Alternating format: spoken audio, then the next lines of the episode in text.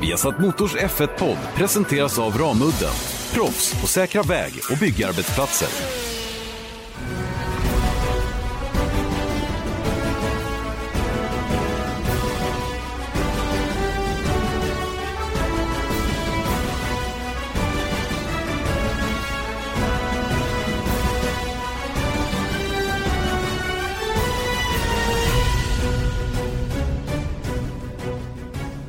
Vesat Motors Formel 1-podd, Janne Blomqvist, Erik Stenborg. Så här några dagar innan jul. Eh, får vi se om vi kan bjuda på lite julstämning i eh, veckans podd. Kanske en, ja det blir det ju. Oavsett hur man ser på det, om man försöker vara lite rolig, så blir det julstämning. Vi ska titta lite på det här med ranking. Eh, hur förarna har sett på att de tycker själva de tio snabbaste förarna är. Och vi ska jämföra det med hur Autosport har gjort sin bedömning av de tio snabbaste förarna. Vi ska prata Hamilton och eh, Valentino Rossi. Lewis Hamilton och Valentino Rossi bytte ju fordon här för inte så länge sedan och eh, vi har lite intressanta idéer runt omkring det där. Eh, vi ska till och med titta på några som, som du inte kanske visste hade kört en riktig Formel 1-bil också.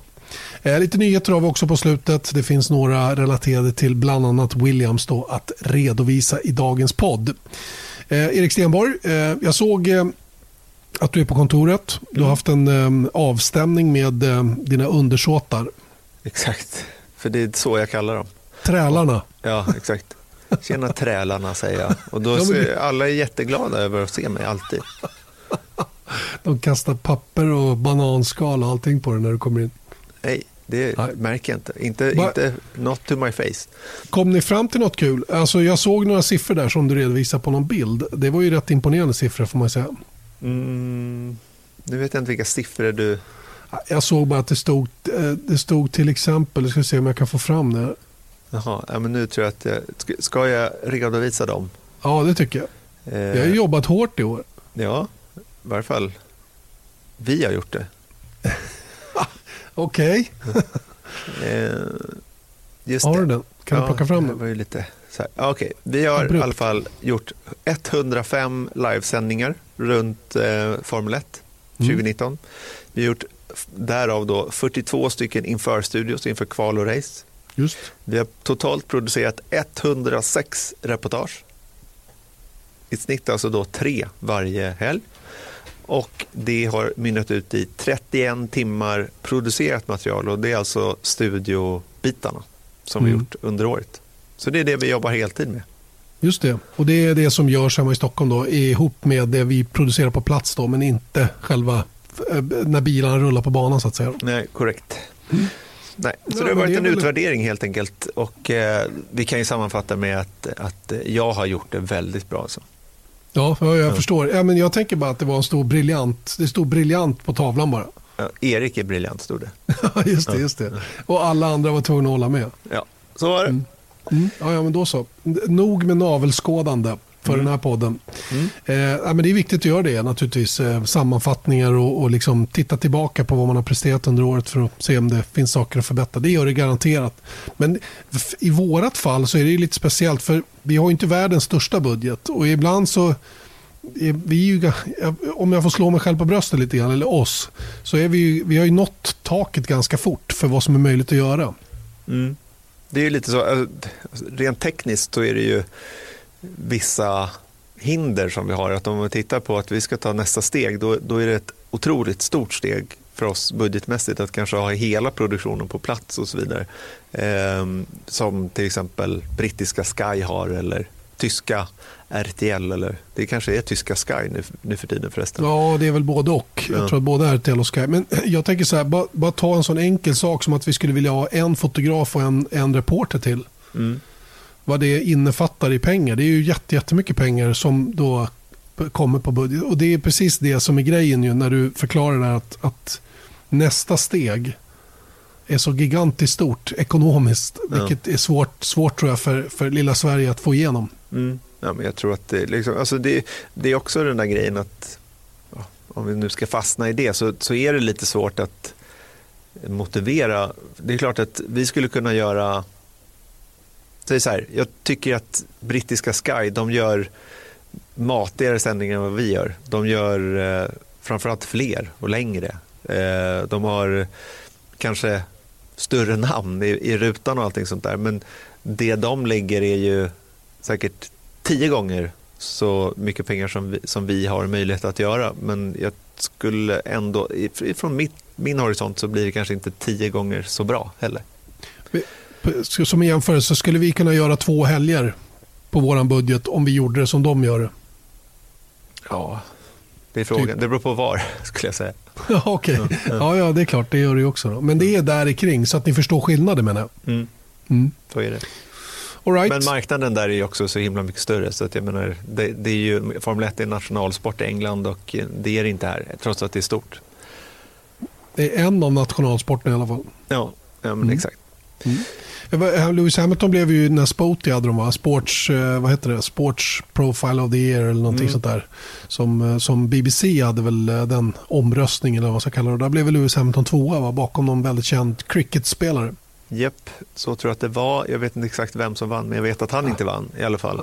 Han heter Ben i förnamn. Mm. Men hur som helst, det säger ju någonting ändå. Jag, jag, jag är lite så här jag är lite trött på det här snacket om, om att eh, motorsporten blir förfördelad eh, sett till andra sporter i svensk media. För jag tycker att på ett sätt, så här, ja, jag kan hålla med om den saken. att Jag, jag tycker att eh, motorsporten skulle eh, förtjäna lite mer utan eh, några större liksom, ansträngningar från, från eh, eh, olika medieplattformar.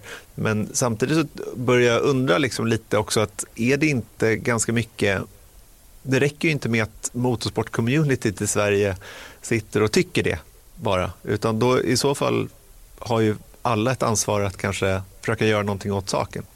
Jo, men Erik, mm. då skulle jag vilja säga så här. Det, någonstans måste man börja. Mm. Och det är det jag tycker att, det är där jag tycker de sviker. Alltså media rent generellt när det gäller, då pratar jag inte, vi, vi öser ju på, SVT öser på och alla möjliga öser på med motorsport så, så, som sänds i tv. Det är inte det jag pratar utan mer den här eh, som kan vara rätt intressant nyhetsrapportering, en seriös nyhetsrapportering om saker och ting. Och där tycker jag inte att man är på nivå eh, som man borde vara. Eh, utan där, och då måste man ju börja. Man måste ju börja för att få någon som läser artiklarna. Mm. Det går ju inte att få folk att läsa artiklar som inte finns. Exakt. Men jag menar lite, i efterfrågan kanske då? Ja visst, men efterfrågan finns där. Det är bara det att det är liksom, någonstans måste någon våga börja. Mm. Sätta fart, känna att det här är faktiskt en, en marknad som finns att ta och, och jobba med. Det finns många marknadsandelar att hämta här, men det är ingen riktigt som vågar. Och Jag tror att det är störst, den största bristen på många redaktioner är kunskap. Det man kan inte, det går, de har inte möjlighet eller förmåga att filtrera saker som inträffar. Jag tänker till exempel, jag skrev det på Twitter, Johan Kristofferssons körning i helgen är ju mycket mycket stor och någonting som ska uppmärksammas. Inte mm. för att det är liksom världsrekord eller något sånt där, eller något, men det var en sån grej som jag tycker ska uppmärksammas. Mm. Och den ska få en eh, någon timme eller två som topp på någon av kvällstidningarnas hemsidor. Bara för att det är en sån jävla cool grej. Förmodligen var det väl ingen på de här redaktionerna som ens visste att det här inträffade. Nej, det är Förstår mycket du? möjligt. Men det är det jag menar också. Att, jag menar, vad är hönan och ägget? Mm. Jag menar, du säger att det finns en efterfrågan, men, men mm. känner verkligen... Är, är det så att medieplattformarna som inte rapporterar om det väljer att inte göra det trots att de känner till affären? Nej, det tror jag inte. Utan det, är, det är ju rent ointresse. Det är, fortfar- det är det jag kommer tillbaka till. Om man inte är intresserad av att dra igång där. För att det är som att, det är som att börja någon ny, eh, ett nytt, vad ska jag kalla det? Eller, säg att jag vill börja ett nytt företag som ska göra något som ingen har gjort tidigare. Mm. Och jag menar, om man, med lite research så kan man ju faktiskt inse att det finns ett, ett hyggligt stort eh, sport, motorsportintresse. Och så anpassar man då naturligtvis bevakningen då med personal som, som förstår vad de håller på med. Och så liksom, det, det är ju också den biten. Men, men det är ju, det är ju, det är ju, då är det eget eller höna. Vem ska börja med det här? Liksom? Ja. Men det är svårt för hönan i det här fallet. Ja, om att inte, hö, någonting som om inte, inte hönan eh, ber om mer mat så att säga. Jag jo, vi... Mer högljutt. Men hur gör man lite. det då? Men hur gör man det då? Ringer medier. man till Express? Nej. Man ringer till eller Aftonbladet eller vilken tidning du väl väljer. Ja, men där kanske en sån grej som eh, SBF skulle kunna ta ett krafttag till exempel. Ja, visst skulle de kunna det. Men... För det handlar ju om att lobba någonstans, mm, antar jag då. Mm. För att få medieplattformarna att förstå att eh, vad ska man säga, efterfrågan finns. Ja, alltså jag, jag, egentligen, jag säger det mer av omtanke för, för de här mediaplattformarna, om vi kallar dem det. Då, mm. För deras skull. De, det finns mycket orörd mark. Mm som de skulle kunna göra stor nytta på och dessutom tjäna pengar på. Om de bara vaknade till lite grann. Men det, det är ju det, det är där min irritation finns. Det gnager lite grann. Jag tycker inte riktigt att man är på tårna där. Och det är, jag håller med dig, man ska inte sitta hemma och gnälla för mycket heller om att motorsporten är undanskuffad precis hela tiden. Eh, det, för hur den är så får man skapa sitt eget intresse. Va? Men, men någonstans bara den här vanliga kollen, kollen på läget, sportkollen, mm. Mm. den finns inte. Nej. Men eh, om det blir någon som blir nominerad till en idrottsgala framöver så får vi väl göra som eh, hästgänget gjorde. Ja, ja visst. Vi, ja, men det, det, kan man ju göra för det blir ju uppmärksammat. Mm. Och den möjligheten fanns ju här om året. Var det inte så? Jag tror att det var väl just Johan Kristoffersson efter någon VM-titel i rallycross där som, som eh, det, det gjordes sådana här upprop då att kom igen nu, rösta fram och bla bla bla. Men det, det är en dag om året. Ja. Exakt. Men du, jag, jag, eh, tycker vi ska titta på lite rankingar istället. Ja, gud vad kul. Mm. Toppen, underbart. Tjoho! Nej, jag skojar bara. Nej, men eh, intressant tycker jag. Kör hårt. Precis, för vi gör ju så, nämligen eh, enligt tradition, att vi eh, rankar inte själva utan vi tittar på vad de andra gör för ranking och sen så, så klankar vi ner eller hyllar rankingen här. Men det som jag tycker är intressant i år är att, eh, det här har väl gjorts tidigare i och för sig också, men det är att Effort.com har lagt ut en ranking eh, bland topp 10 Effort-förare 2019 som då har rankats av förarna själva. Vilket gör att eh, en sån här ranking tycker jag ändå är värd att titta på när man eh, ja, ändå ska ranka förare. När, de var ju där så att säga. Låt mig förtydliga lite vad du menar. Det är intressant tycker jag att höra när förarna själva röstar fram vem som har gjort bäst ifrån sig under året. Snarare än utomstående bedömare. För det är kul tycker jag att se hur förarna ser på varandra. Mm. När de får en lista. För de har väl förmodligen fått alla 20 och så får de då ranka då. Eh, varje gubbe har rankat från 10 till 1. Mm. Och sen, har, sen, så gör man en overlay av alltihopa där och så kommer man fram, ja men den har fått, eh, på tionde plats har vi si så många röster, nionde, blablabla. och så har de kommit fram till den här listan då. Som, som eh, bakifrån då börjar med Pierre Gasly på tionde, George Russell på nionde, Sebastian Vettel på åttonde, Lando Norris på sjunde, och Daniel Ricciardo på sjätte, Valtteri Bottas på femte, Carlos Sainz på fjärde, Charles Leclerc på tredje, Max Verstappen på andra och Lewis Hamilton på plats nummer ett. Mm. Så har alltså förarna röstat fram den lista som de har presenterat via F1.com. Mm.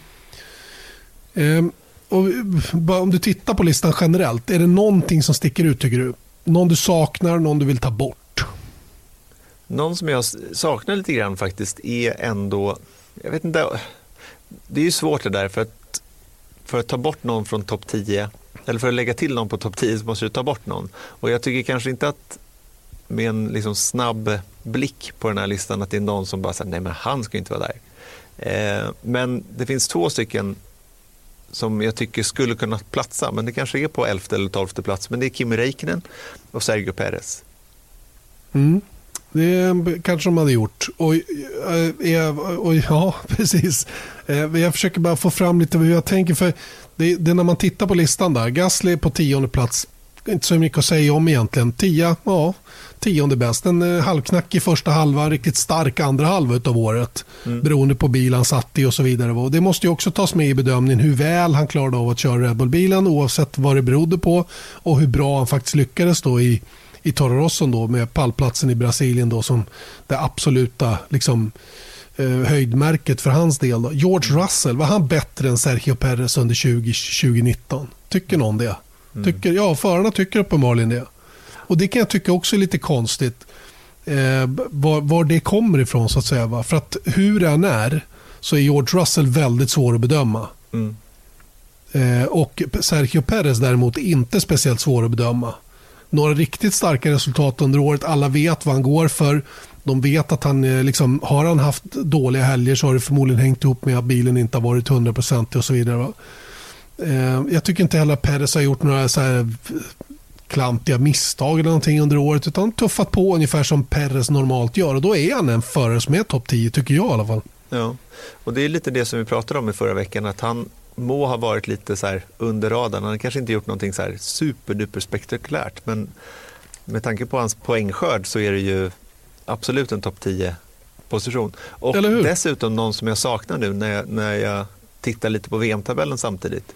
Albon, han är inte där heller. Nej, han är inte, han är inte inröstad av förarna som en topp 10-förare utan han är trea av de tre rookiesarna. Mm. Är, det, är det ett korrekt, är det en korrekt bedömning kan man ju ställa sig frågan också. Mm. Um, ja, nej, den där, den, George Russell må ju vara bra, alltså det, det är jag helt övertygad om att han är. Men, men, att han är så bra så att han direkt går in på en topp 10-placering i en väldigt, väldigt svårbedömd situation som han har varit i under året med en förare då i den andra bilen som oavsett om man har fått rätt förutsättningar eller varit i, i slag så att säga inte har kunnat möta honom överhuvudtaget. Eh, och det är klart, jämför man det på det viset, tänker att Robert Kubica var som mm. han en gång var och så får han dyngstryk av George Russell, ja då är det klart, då är man ju topp 10. Mm. Men så vet vi väl kanske alla att det inte riktigt har varit under året. Nej, men det kanske är liksom, utifrån vad vi vet så det enda vi vet är att, eh, att Kubica kanske inte är sitt forna jag. Men ändå, han har tagit Kubica 21 raka kval. Så att mm. jag menar, där, på ett sätt så, det beror på också hur man ser på det, för det är ju svårt, svårbedömt där långt nere i fältet. Och när någon, jag menar, Williams har inte varit ens med i matchen i år.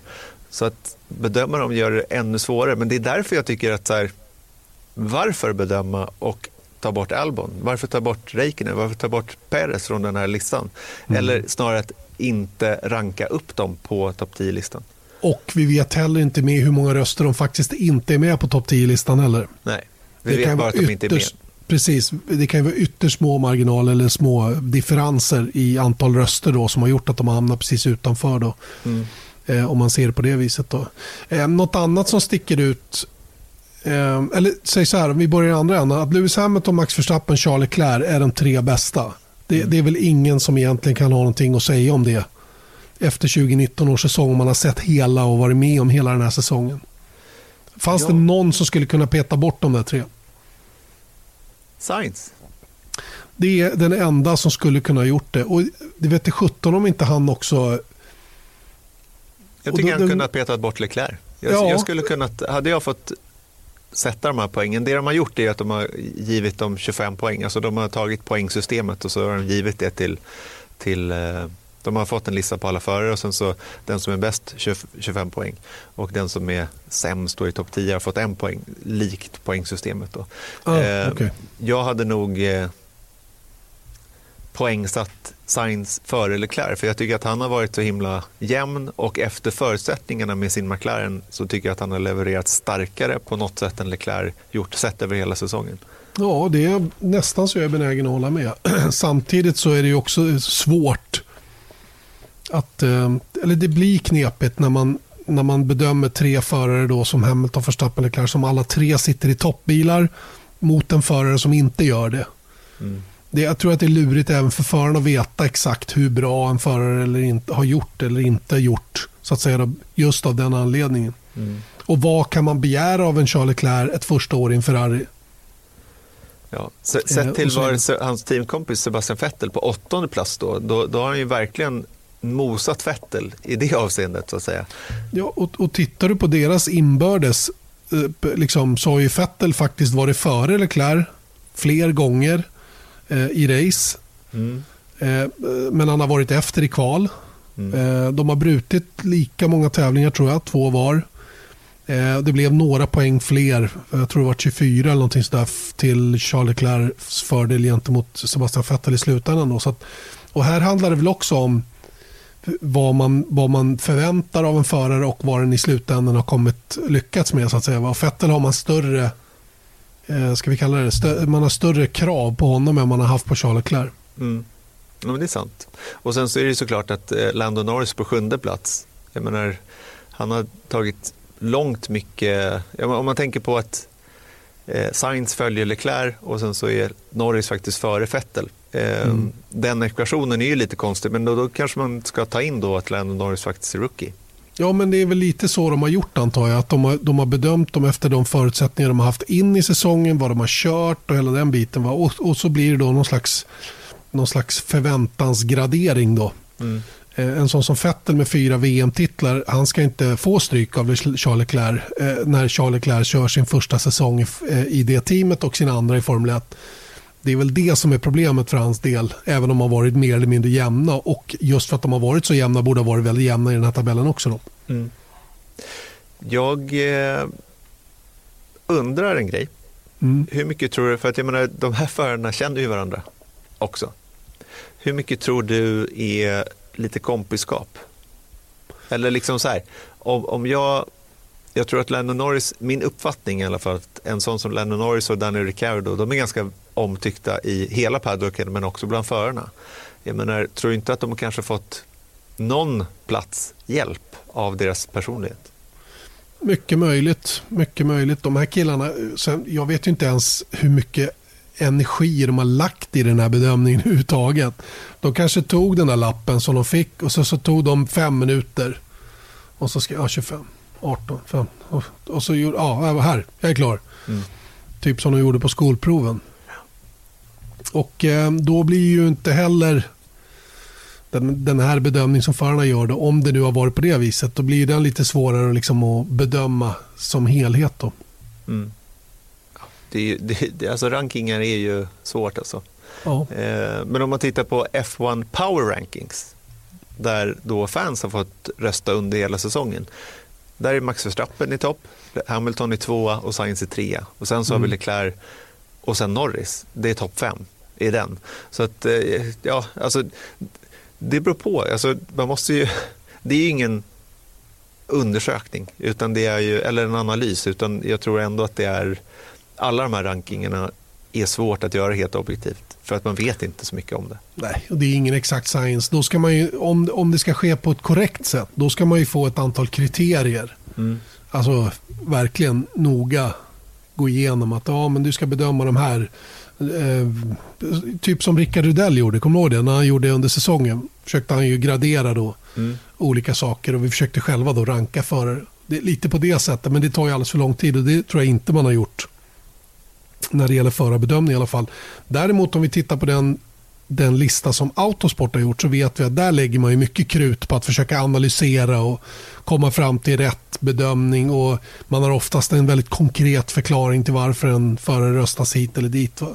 Samtid samtidigt har jag alltid genom åren, framförallt den här, är det topp 50-lista de brukar göra under jul och nyår? Ja, jag tror nästan att det är, alltså, då, då är det så här Topp 100 för... förare i hela ja, världen? I, I, hela världen, i alla kategorier. Och den blir ju så uppåt väggarna ibland så man, det, man skäms ju att läsa den. Mm. Så, så, och det blir ju också så här att, att um, jag vet inte. Men de här journalisterna då på Autosport, de har ju röstat fram Sebastian Vettel som tia. Lando Norris som nia, George Russell som åtta, Sergio Perez får vara med på listan, rätt tycker jag, sjua. Och sen är resten av listan exakt lika faktiskt som förarnas. Mm från Ricardo upp till Lewis Hamilton. Vilket säger en del om att den sextetten ändå är ganska stabil eh, där uppe så att säga. Då. Sen är det mer osäkert när man kommer ner mot strecket. Så här, vilka ska vara över strecket och inte. Det, det som kanske förvånar mest med Autosports lista är att Vettel hamnar nere på tionde plats. Vilket mm. är långt ner, riktigt mm. långt ner. Och nästa, lite orättvist långt ner på ett sätt. Han har ju ändå tagit över 200 200 poäng och, och liksom ja. varit, med, varit lika bra som Charles Leclerc som är trea på samma lista. Men här kommer du åter tillbaka till vilka förväntningar har du på Leclerc mm. sett till vad han har presterat och vilka förväntningar har du på Vettel sett till vad han har presterat. Så slår det åt olika håll och då blir det väldigt betydande då för var man hamnar i listan så att säga. Ja. Kan vi säga det att vi lägger ut de här listorna på vår Facebook-sida så att om ni vill eh, se på facit så, så, så lägger vi dem där och tugga lite. Man kanske vill diskutera själv med inbördes. Det ja. finns inget rätt eller fel här och det är inte säkert att vi har någon, vi kanske inte är förnuftiga överhuvudtaget när vi sitter och pratar om det. Men, men oavsett, det är kul att tycka lite. Det är roligt att göra egna bedömningar och försöka någon gång att lägga undan eh, vad man har sina egna preferenser utan verkligen objektivt försöka titta på en hel säsong och komma fram till, då märker ni hur svårt det är för när man börjar pussla, ja, men det där var ju tokigt, den borde vara där och den, så håller man på. Mm. Så det här var ett upprop. Gå till facebook.com F1-podden och lägg ut era egna listor. Det vore jättekul. Vi har satt Motors Formel 1-podd kör vidare när vi nu har rankat färdigt, eller i alla fall klagat och klankat och, och, och tyckt om andras ranking, så kan vi gå vidare i livet, eller hur? Ja, det ska vi göra. Och då har det varit en så kallad eh, det har inte alls varit det. Det var en driver swap höll jag på att säga, men jag vet inte vad man ska kalla For, det här riktigt. En fordonsswap. Mm, precis, för det är så att, och det här har varit liksom snack om det här under ganska lång tid, men det är så att eh, Lewis Hamilton och Valentino Rossi, The Doctor, de har bytt fordon i förra veckan, eller var det veckan? Ja, i krokarna. Ja, någon, nyligen. Bra Erik. Nyligen, har nyligen bytt fordon. Exakt. Jättebra, perfekt. Du börjar lära dig det här yrket nu. Ja, jag började efter sådär 15 år så börjar det landa nu. Lite. Eh, ja men visst, väldigt om, omdiskuterat, eller omdiskuterat, men väldigt uppmärksammat ska man säga då, det här bytet som skedde i Valencia på, eh, på Circuito eh, Ricardo Tormo. Ja. Det vill säga den riktiga banan i Valencia. Då. Och eh, jag tycker det är kul att de gör såna här grejer. Det görs alldeles för lite såna här grejer. Vi såg i början på året, eller ja, tidigt på året i alla fall, när, eh, när vet han, eh, Jimmy Johnson fick provköra Formel 1-bil. En lite, äldre, en lite äldre variant dock. Eh, och bytte bil då med Fernando Alonso då, som fick hoppa in. I Bahrain? Eh, I Bahrain, ja. Precis. Sådana grejer tycker jag är kul och eh, borde ske lite oftare. Där man bjussar på sig själv lite grann. Och det här med Valentino Rossi och Formel 1. Det är ju en kärlekshistoria som, som har funnits och tror jag finns. Men som tyvärr håller på att fejda ut. Eller tiden har runnit. Säg så här, sanden i timglaset är på väg att rinna ur helt och mm. hållet. Mm. Ja, det kommer inte att bli något Formel 1 för oss i tävlingsformel 1. Men faktum är att det var väldigt, väldigt nära en gång i tiden. Ja, exakt. Det var väl runt där 2006-2007 någonstans där som han började. Jag tror att första gången han körde, jag är inte helt säker på, på ja, 2004 var det, som han fick eh, testa. Och det har hela tiden varit Ferrari och det finns väl en ganska tydlig koppling mellan att Rossi är italienare och eh, ja, Ferrari är italienskt stall. Då.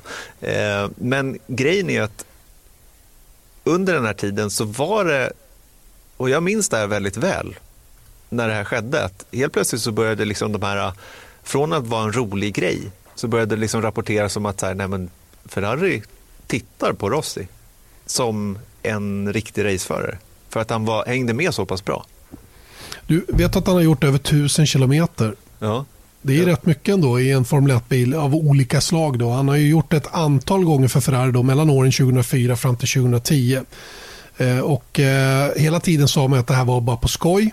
Eh, men eh, som sagt, man undrar hur mycket skoj det var eh, egentligen. För, för eh, det finns ju, det var ju till och med Valentino Rossis pappa som, som har sagt att det var otroligt nära mm. att han gjorde bytet till Formel 1 eh, där någonstans 2006-2007. Eh, det var ju samma era som McLarens, eller när Lewis Hamilton via McLaren då tog sig in i Formel 1. Och det, det gick att ta sig in i Formel 1 även om man inte hade kört formelbil i hela sitt liv. För på den tiden fick man ju testa hur mycket som helst. Så det hade ju varit ett gyllene läge för Valentino Rossi att kliva in i Formel 1.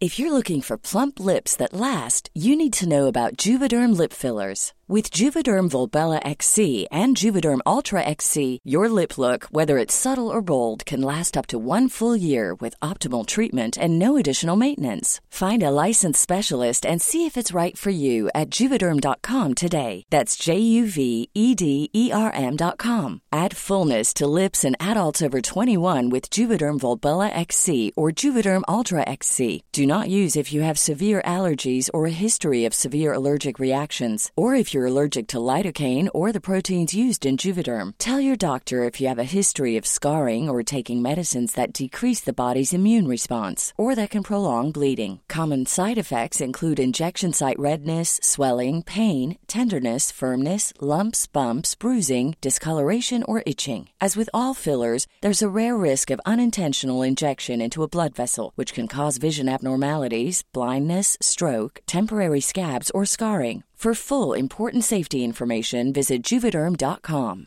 Ryan Reynolds here from Mint Mobile. With the price of just about everything going up during inflation, we thought we'd bring our prices down. So to help us, we brought in a reverse auctioneer, which is apparently a thing. Mint Mobile unlimited premium wireless. Ready to get 30, 30, bit to get 30, bit to get 20, 20, 20, bit to get 20, 20, bit to get 15, 15, 15, 15 just 15 bucks a month. So, Give it a try at mintmobile.com/switch. slash $45 upfront for three months plus taxes and fees. Promo rate for new customers for limited time. Unlimited more than 40 gigabytes per month. Slows. Full terms at mintmobile.com. just då. Sen minskade ju den möjligheten allt efter åren gick. då. Eh, och man undrar lite grann varför det aldrig blev av. Eh, om det var helt enkelt att han fick bättre erbjudanden. Jag tror nämligen att det har handlat om timing eh, allra flesta gångerna. Precis som alltid i Formel 1. Att det är liksom tajmingen har inte varit hundraprocentigt rätt. Och kanske ett kontrabud från teamet i, i MotoGP eller vad det nu har varit. Va? Så att, eh, men det hade ju varit fränt om man hade tänkt om, om 2007 års säsong hade börjat med Lewis Hamilton i McLaren och Valentino Rossi. Ja, vem skulle han ha kört istället för? Eh, Räikkönen eller Felipe Massa? Ja, men säg Felipe Massa då. Att Rossi hade kört ihop med Kimi Räikkönen som sedermera blev världsmästare det året. Mm. Ja, men exakt. Jag tror att det hade kunnat vara en helt annan timing för att i det här läget så var det ju så att Schumacher körde fortfarande. Eh, och- Fram, fram till och med 2006 i alla fall. Exakt, och då, då var det ju den här grejen att det, det var ju lite rörigt runt vem de skulle välja och sen så till slut då så fick de över Räikkönen. Hade det inte hänt, hade det fallit samman till exempel så hade de kanske kunnat, jag vet inte, ta, ta, ta chansen. Men å andra sidan så jag tror att det som försvårade, i varje fall i mitt huvud, försvårade omständigheterna för en Rossi är ju att Ferrari gör inte sånt här. Eller hur? Nej, de gör inte det. Men de hade kunnat gjort det. Ja, jag- vet inte heller. Eh, Luca di Montezemolo sa ju utan tvekan tar jag in Valentino Rossi om vi får möjlighet att köra en tredje bil. Men nu tillät inte reglerna det och aldrig tillåtit det att, att kunna köra en tredje bil i mästerskapet. Då. Men, men hade den regeln funnits eller att det hade varit tillåtet så att säga, då hade han nog, då hade han nog kört Formel 1. Så det är ju en annan grej sån där som ja, Mm. ett inhopp för Felipe Massa då när han var skadad i, efter Ungerns Grand Prix när Luca Badoer och, och Ehm, eh, Giancarlo Fisichella då fick hoppa in istället och ingen av dem gjorde egentligen speciellt bra ifrån sig i den där bilen som var väldigt, väldigt dålig. Jag vet att även Michael Schumacher pratade om att hoppa in men skulle ju inte få testa någonting och då gjorde att han, det gjorde att han valde att avböja. Det var ju samma egentligen för oss idag som, som själv sa, eh, jag pratade med Ferrari om att köra på Monza men utan testning, det hade inte varit logiskt, sa han. Det, det, det funkar liksom inte. Va? Så att, eh, och det kan man ju förstå. Varför hoppa in i ett sånt läge om man inte får möjlighet att förbereda sig till 100%? Ja. Men jag Nej, tror- 2007, starten på 2007, det, det där 2006 till 2007, det hade varit liksom, det var läget. Mm. Jag tror också det. Men om man tittar då på testning. Jag hittade en lista här och jag, jag vet inte exakt hur eh, exakt den här listan är. Men om man tittar på, på um, Hamilton innan hans debut då, eh, så, så körde han över tusen varv Mm. i, eh, under tester. Tittar man på, på vad Eriksson gjorde när han skulle köra Caterham där första året. Det var ju, jag tror att han kom 100 varv kanske. Va? 100 varv? På, Ja, på testen? Ja, eller de Tror du att han kom så det var, många? Det var väl tre, tre testomgångar vid det laget i alla fall. Kom de så långt tror du? Ja. Jag vet inte. Ja, men, inte jag heller, men jag förstår vad du menar. ja, det, det var ju extrem skillnad. Så det är där som man hade kunnat träna upp Rossi. Men samtidigt ska man ju veta det att om man sätter Rossi i en bil och ska testa Unlimited, då tar det bort testning från någon annat Mm. håll också. Så då måste du vara ganska säker på att okej, det är Rossi vi ska ha och då tränar vi upp honom så att säga. Men det är klart men- att det är en chansning. Men hade de valt att göra det med honom då hade de ju redan vetat att han var eh, en så pass stor talang att det var värt att göra do the effort så att säga. Så att, och det tror jag Ferrari har varit inne på hela tiden att han är tillräckligt bra för att ta chansen med. Det är bara att den, det, måste vara rätt läge på något sätt. Va? Ja. Och ehm. Ja, det, är, det är svårt att svara på var, varför det inte blev som det blev. Det är, en, det är en kittlande tanke i alla fall att han skulle ha gjort en, en, en John Surtis. Mm. Ja, exakt. Att eh, bli världsmästare på både fyra och två hjul. Exakt. Eh, och det leder ju in oss lite grann på det här, vilka som faktiskt har fått möjlighet att köra eh, Formel 1-bil, riktig Formel 1-bil. Det är ju rätt många givetvis då, som inte har tävlat i Formel 1 som ändå fått chansen att testa. Eh, de senaste jag kan tänka mig, Andrea Dovizioso och Mark Marquez var väl på Red Bull Ring och körde lite här för inte så länge sedan. Båda mm. MotoGP-förare de också. Eh, det har varit ett antal, även Sebastian Ogier Fick också testa för inte så länge sedan.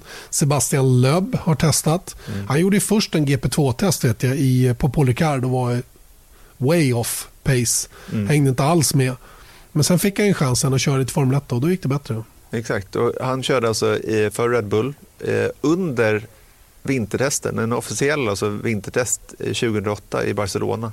Och eh, det var faktiskt ganska, han blev åttonde snabbast av 17 eh, körande förare den dagen. Då, så det var en Red Bull eh, RB4 som han körde. Eh, och det var väl liksom, det, det, var ju aldrig på tal att han skulle köra F1 tror jag. Men, eh, jag menar... Ja, det tror jag faktiskt att det var. Tror du det? Jag tror, jag tror att det var ganska seriöst. I alla fall så tittade man på möjligheten och återigen så var det ju, jag menar Red Bull, om vi, om vi säger att du säger så här, ja men Ferrari gör inte sånt här. Nej. Red Bull hade definitivt kunnat göra det, mm. tror jag. Eh, nu var det här tre år efter, det här var ju sista året de var inte så bra. 2008. Mm. De var ju, det var ju först 2009 som det nya reglementet kom och det var ju det. Och det, det är också lite kul, jag eh, kan komma till det sen, med just vilken skillnad ett nytt reglemente kan göra för, för ordningen mellan teamen. så att säga. Men 2008 var ju inget toppenår för, för, för Red Bull. Och eh, ja, han hade kanske kunnat gjort bra ifrån sig. Jag, jag tror faktiskt att det fanns ett, ett visst intresse ändå för, för, eh, för Red Bull att plocka in Löb om det hade funkat. Men tänk, tänk ändå då att Löb har ju vunnit VRC eller rally-VM nio gånger. Han är ju en levande legend inom eh, rally. Samma sak med eh, Rossi. Jag menar, undrar vilka, liksom, vad hade hänt om han hade gjort det? Mm. Det är bara kittlande att tänka sig. Att, jag menar, visst att vi har precis pratat om det redan, men jag tycker bara på att wow, tänk att ha Sebastian Löb liksom, på, på startgriden i Australien 2008. Mm. Vilken grej det hade varit. Ja, verkligen. Det, men det är roligt det där när det är några så här lite speciella namn som dyker upp någon enstaka gång. Så där. Så, men det, det mattas av efter ett tag. Jag kommer så väl ihåg när Michael Schumacher skulle göra comeback igen efter sin, eh, efter sin långa bortovaro. Då, han, han slutade 20, efter säsongen 2006, var borta 7, 8, 9. Kom tillbaka 10 då med, med Mercedes. Så det var så otroligt stort. Jag var på testerna i Barcelona, jag tog bilder på honom. Jag var lite så tagen av att den här sjufaldige världsmästaren skulle mm. komma tillbaka in i, in i Formel 1 och hela den biten. Va? Men det fejdade ganska snabbt. Det gör ju det när inte resultaten kommer. Och, och då märker man att okej, okay, han var bara 8, 10, 11. Du vet, så här. Det, det går fort att polera bort det eller bli av med den där glansen som man har när man kommer in då, som en sån stor förare som Michael Schumacher ändå var innan han la av. Ja. Ja, och, så jag förstår att de tvekar. Ja, och det finns faktiskt ett, ett eh, alldeles färskt exempel och det är den här Robert Kubica. Mm. Tänk ändå när han satt där i, i de här testerna inför. Vilken, vilken stor eh, grej det var att han äntligen, och Askungesagan, jag, menar, jag vet att vi pratade om det på försäsongen i år, som att det här är den stora grejen F1 2019, att det här kommer ske. Det är typ att det och Leclerc kommer eh, köra för Ferrari. Det, det, var liksom huvudpunkterna. Och sen så tog det bara, ja, egentligen inte ens en, en racehelg innan vi förstod att nej, men det där, det blev något helt annat man kände väl redan under testerna i och med att ja, Williams var så kass att det, det, skulle bli svårt att liksom hålla den där ballongen i luften så att säga. Eh, en annan som har testat faktiskt och eh, gjorde det då i slutet på 1995 det var ju eh, Colin McRae. Mm. Eller det var ju på 96 var det faktiskt på Silverstone som man gjorde en test. Um, så att det, um, Sebastian Loeb och Ogier är faktiskt inte de enda då som har kört riktig Formel 1-bil utan även Colin McRae då han gjorde det på, på Silverstone. Och de bytte bil faktiskt i ett eh, sponsor, sponsorgig som de hade där. Där um, Brundle fick köra Colin McRae Subaru var det väl han hade på den tiden. Och det roliga är att jag råkar ha läst om den där testen för typ ett år sedan.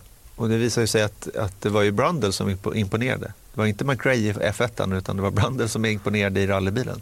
Mm. kan jag tänka mig.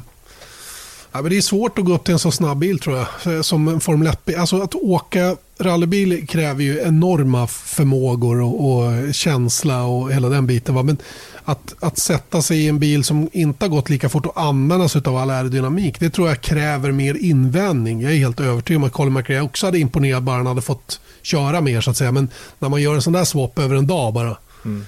Då är det nog lättare att som Formel 1-förare hoppa in i rallybilen och imponera än tvärtom. Det tror jag också. Men det som, någonting som jag, apropå lite samma tema, så lyssnade jag på Daniel Ricardos eh, intervju i, eh, jag höll på att säga Drive to Survive, men det kommer vi till snart. Eh, Beyond the Grid, Formel 1 egna podd, så var det en intervju med honom där. Och då pratar han just om att eh, hur det är att byta från en sämre bil till en bättre bil. Att det är lättare att ta det steget. När han gick från Toro Rosso till upp till Red Bull och slog Vettel det var liksom eh, någonting som Vettel hade haft som så här ursäkt, ursäkt, eller vad man ska säga. Men han höll faktiskt med om det, att, att eh, då blir allting mycket bättre. Du har bättre grepp, du har bättre liksom, confidence i bilen. Och då jämför han då med sitt steg från Red Bull eh, i fjol då till Renault i år. Att det var något av en chock att behöva anpassa sig till en bil som är inte lika bra. Apropå temat att, eh, att gå till en snabb bil menar jag. Det där måste vi försöka sätta tänderna i under året nästa år tycker jag. Det här, just det här, för jag har varit så intrigerad av det Lando Norris sa till mig i Brasilien att han hade ju nämligen provat fjol, förra årets McLaren och årets mm. och säger att han kan egentligen inte känna någon skillnad. Nej. Och det kan, det kan fascinera mig när det skiljer så mycket som två och en halv sekund. Jag förstår ju förnuftigt vad det handlar om. Att den ena bilen har bättre grepp än den andra. Du kan helt enkelt åka fortare partierna. Men ändå, det måste finnas grejer som skiljer, som gör att man är två och en halv sekund långsammare i den ena bilen än i den andra. Eller hur? Ja. Det, det, det, måste vara så. Det är som att åka skridskor och ha oslipat ena dagen och vast som sjutton andra dagen. Liksom. Ja, exakt. Men antagligen Samma. så är det väl det där att det känns bara så här normalt. Det, hans poäng där var att du kör alltid på gränsen. Mm. Det bara beror på var, var gränsen går. Jag menar att McLaren-bilen 2018 det var ju inte en kass bil. Det var inte som att köra en Williams. Det antar jag känns väldigt, väldigt annorlunda. Men det är samma karaktär på bilen, men det går så mycket fortare bara. Mm. Ja, men jag vet inte hur många gånger Eija har försökt förklara det här för mig. Nej. Och, och, och, och uttryckt sig precis så som du gjorde nu. Att ja, men Janne, alla kör på gränsen. Mm. Det är när du går över gränsen, då börjar bilen inte att kännas bekväm att köra längre. Mm. Och det är att balansera på den gränsen som är svårt.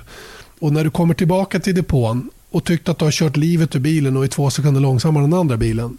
Mm. Som har kunnat åka väl innanför den här gränsen men ändå snabbare. Det är ju den dagen till exempel en Merca då som har varit så framgångsrik de senaste åren blir utmanad så den måste börja åka över gränsen för mycket.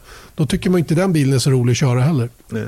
Men det är också, apropå det, så tänker man ju på när, säg eh, en bana som de inte kör på så mycket ut, alltså innan de kommer på en racehelg. Säg Montreal, det är en sån där mm.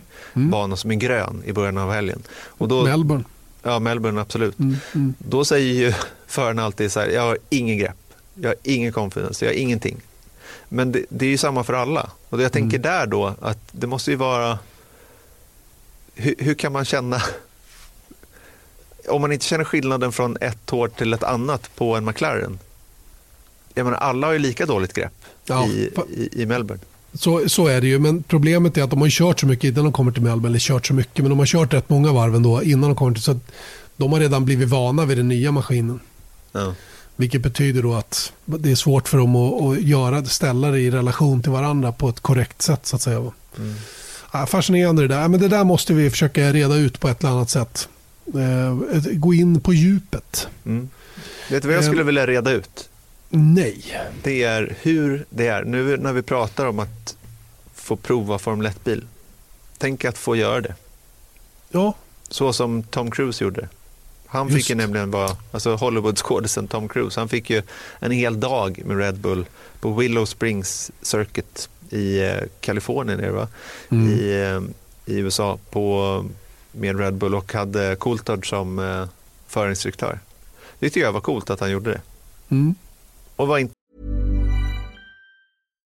Botox Cosmetic, out of botulinum toxin A, FDA approved for over 20 years. So, talk to your specialist to see if Botox Cosmetic is right for you.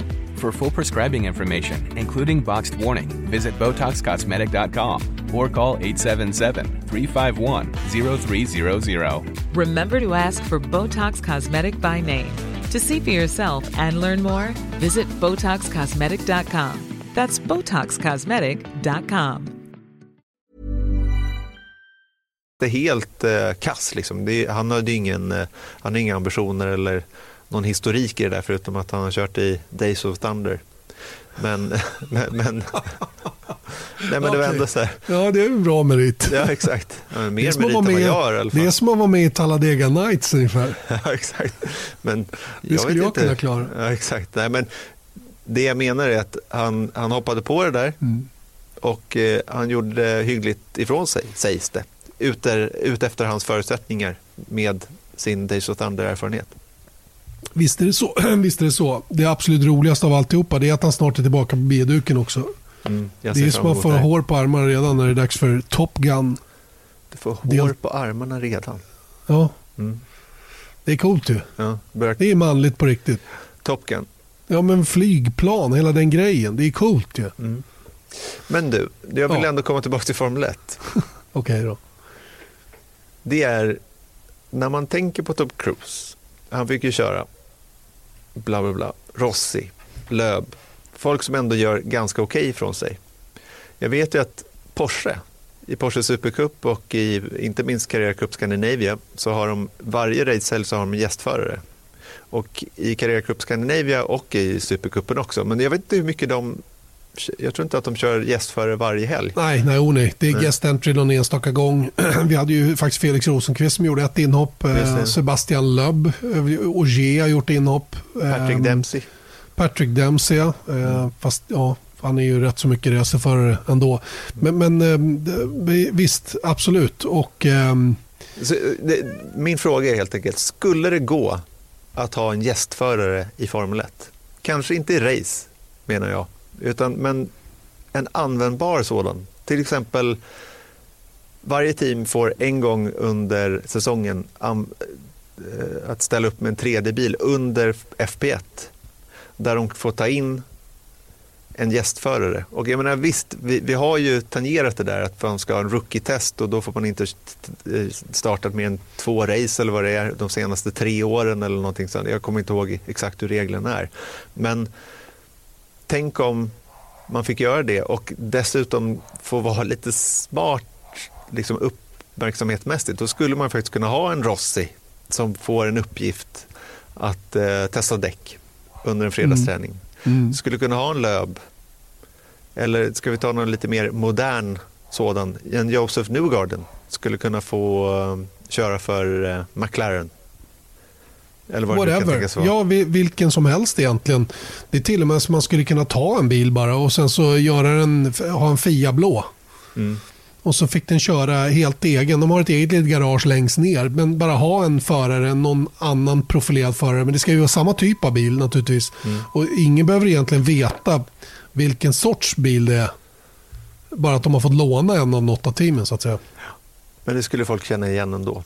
Men säg Ja, så här, det- jag, jag tror ändå så att teamen skulle kunna använda det på Mm. ett bra sätt tror jag. Säkert.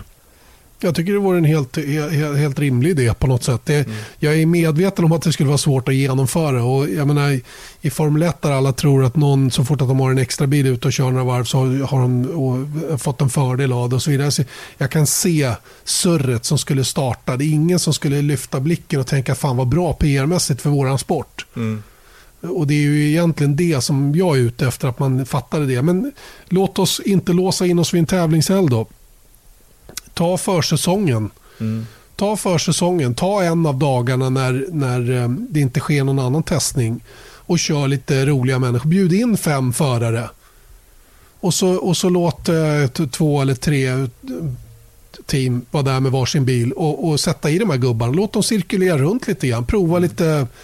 Låt säga att man tar in eh, Ja, du var inne på Newgarden. Det finns eh, andra så här high profile. Man kan till och med ha några som kanske inte tangerar till att vara racerförare också som får prova. Så är man på Barcelona och så en av dagarna när det inte pågår någon testning så, att säga, så gör man det och så har man det som ett publikstunt och bjuder in en massa folk, tv där och hela bilivitten. Det kunde ju vara lite kul.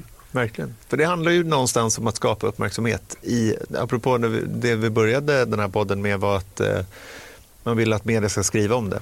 Och det är ju en sån grej som eh, Netflix-serien Drive to Survive som hade premiär i tidigt våras, mars. I mars var, var det, jajamän. Och eh, som de spelar in eh, en säsong två, eller de har spelat in en säsong två, så de lägger sista handen på den nu och den kommer väl i början av nästa år då på Netflix. Och jag, menar, jag tror inte man kan underskatta vad den serien faktiskt gjorde för intresset runt Formel 1 och för att Nej, hitta jag... ny, nya, nya fans.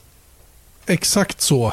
Hitta ny publik. Publik som, som har ett intresse men som inte riktigt har hittat dit. Vi kommer tillbaka till vår inledande diskussion om ägget eller hönan och någonstans så, så är, gjorde ju Formel 1 det du vill. Ja. De, de såg själva till att skapa efterfrågan så att säga. Eh, och eh, har lockat in en väldig massa människor. Senaste exemplet var idag när jag var inne i en, en telefonbutik och, och fixade lite grann. Så när killen förstod vad jag höll på med så sa han, du, jag, jag är väldigt motorsportintresserad men jag har inte följt Formel 1 sådär. Men jag började faktiskt efter att ha slukat hela eh, Drive to Survive. Mm.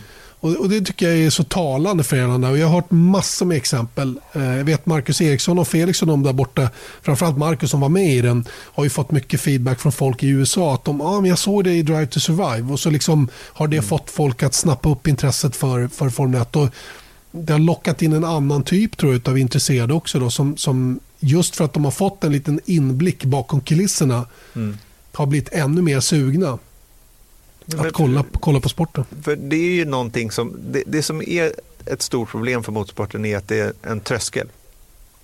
Är du inte intresserad på en sportredaktion, jag kan bara se här på Viasat, att det är, liksom, det är svårt att komma upp till en kunskapsnivå som man faktiskt tycker att det är kul. För att jag menar, mm. även om vi försöker göra en bred sändning, men vi försöker också tillgodose de som är supernördar som vill se våra sändningar.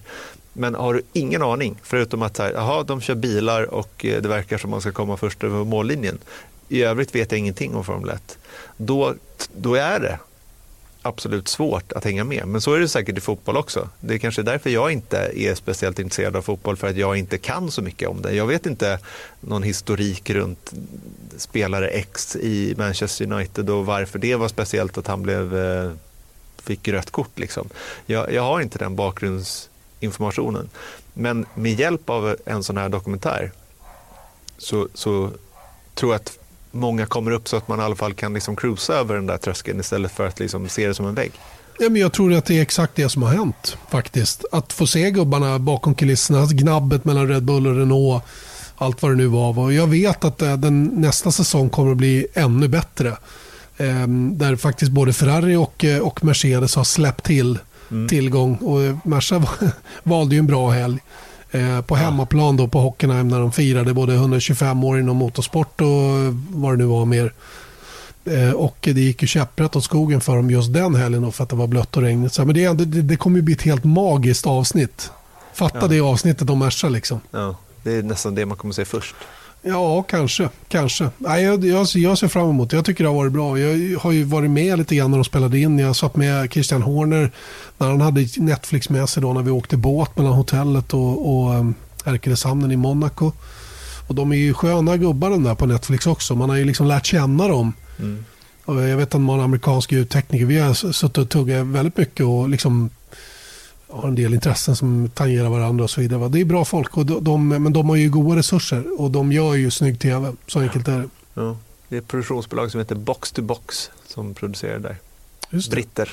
Duktiga som 17. Ja, inte bara, men många britter i alla fall. Ja, men de som står bakom som producenter. Just det. De just det. Ni får hålla ut till i mars mm. innan ni får eh, nästa, eh, nästa säsong av Drive to Survive. Ni behöver inte hålla ut till i mars för att få ett nytt avsnitt av Formel 1-podden för nu är veckans avsnitt slut. Det är inte alls det, för vi ska ta två stycken nyheter. Ja, just det. Det höll jag på att glömma. Mm. Tur att jag är med ibland alltså. Ja, men lite. Mm. Men du är ju redaktör också. Ja, exakt. Men det som händer är att eh, det börjar röra på sig lite hos eh, Williams, vilket är väldigt kul att se. Ja, alltså nödvändigt snarare. Det är ju så att eh, det här med att de tar in Dan Ticktum som någon slags developmentförare eller utvecklingsförare. Det, det ser jag bara som ett sånt där som de brukar göra. V- Ja. Vem de än tar in så att säga. De ska köra lite de får, den föraren i fråga får möjlighet att bli av med lite pengar. Den får dessutom möjlighet att vara på deras plattform en del. Eh, Men i övrigt så betyder det inte så himla mycket. Va? Men Dan Ticktum eh, har ju ändå ambitioner, kommer att köra i ett bra team i Formel 2 under året och så vidare. Va? Så att, eh, visst, fine. Jag ger honom the benefit of the doubt. Men det som är intressant tycker jag det är att de nu eh, nafsar efter Nick Chester. Yes. Nick, Nick Chester då som hade, han var teknisk chef hos, eh, hos Renault. Och men efter 19 år nu får lämna teamet. Och eh, honom, eh, honom länkar man ihop då med Williams i någon form av senior managementroll. Vad det nu kan bli. Då. Det kan de definitivt behöva. Eh, den, den senaste de tog in, eh, Paddy Lowe, funkade inte speciellt bra. Nej, men det är just Och- den grejen. De har ju gjort sig av med Paddy Lowe. De har gjort sig av med ehm, eh, Dirk de Beer. Just det. Eh, och sen så var det Peter Machin eller någonting sånt där han heter också som var eh, han, har, han var hos Renault också, så han länkas också ihop på något sätt med, eh, med Williams också. Så att jag menar, och det är ju lite den här grejen att det är klart att Williams har ont om pengar. Och dessutom så är det ju, jag menar, se, man kan se det här som förare. Det är lätt för Mercedes tror jag att rekrytera folk. För att alla vill ju komma upp sig på, på samma sätt. Det funkar likadant på alla positioner inom Formel 1 skulle jag ändå vilja säga. Så att, jag menar, det är klart att förutom att Mercedes har ekonomiska muskler att anställa folk så, så är det klart att alla vill ta del om deras framgångar på banan och hjälpa till såklart. Men en sån som, eh, ett team som Williams har ju såklart svårt att rekrytera de bästa förarna och bäst folk. Så att om de får en Nick Chester som ändå är, eh, har gott renommé i paddocken eh, kan ju bara vara bra. Det tror jag definitivt. Och, och, ehm, ja, det är oavsett vem man tar in nästan som, som kommer ifrån en sån roll som Nick Chester har haft är ju ett step upp för Williams. Kanske inte nödvändigtvis för den som ansluter. Nej, exakt. Nej, man får hoppas att de är... Eh, vi har inte så stora hopp till Williams 2020, men att de i alla fall är kvar och att de kan ta några myrsteg framåt så att de i alla fall är med och tävlar. Visst, det är någonting vi alla, jag tror alla vill och jag tror att sporten behöver också. Vi behöver ingen sån som sladdar igen. Det har varit för mycket av den varan tycker jag de senaste tio åren. Och, och det är bättre med ett väl samlat fält. Sen att vi har en trio längst fram som är lite bättre, det kan jag leva mer med. Men att ha någon som sladdar långt efter de övriga där det blir helt meningslöst för dem att tävla. Det tycker jag däremot inte är speciellt kul. Jag försvarade i många år de, de lite sämre teamen, typ Minardi, de höll på. Folk frågasatte varför är de där överhuvudtaget. Men de hade sin roll att lotsa in nya förare. Jag tycker dock inte att eh, typ Caterham eller Manor och de här gjorde det på ett sånt sätt som man hade hoppats på. Nej. Men det, hela deras kunna- existens var så himla skakig från Den var skör, den var skör som 17 va? och det, det blir inte bra. Utan vi behöver lite mera... Visst, du kan vara med där och köra längst bak men det ska, det ska gå att, att klara affären. Exakt. Det ska gå att dra runt det utan att behöva liksom bita på naglarna och det är väl det, är väl det som är lite tveksamt. Och förhoppningsvis så kan de få lite ordning på det här med 2021 och framåt. Yes. Du, Right. nästa tisdag, då är det julafton. Så då blir det ingen podd. Jo, Eller vad säger du? Det är klart, att det blir podd. Ja, men det kanske blir en annorlunda. Vi ska se om vi är redo att släppa de där äh, specialintervjuerna som vi har börjat spela Ja, in. men det, det är vi. Det tror jag. Vi har några riktiga mysare på gång. Ja, jag hoppas det. Så att, eh, vi är tillbaka om lovar- en vecka igen. Ja, jag, jag lovar att det ska vara bjällor rakt igenom hela podden. Ja, Ligga och skramla i bakgrunden. Mm. Och eh, man kommer in Wham. i feeling. Nej, inte Last Wham. Okej. Ja, du du får, du, det är du som klipper, så du får göra Ja, vad du vill. Fria exakt. händer. Nu är vi klara i alla fall. Det är vi. Tack så mycket för idag, Janne Tack själv. Ha det gött. Viasat Motors F1-podd presenteras av Ramudden. Proffs på säkra väg och byggarbetsplatser.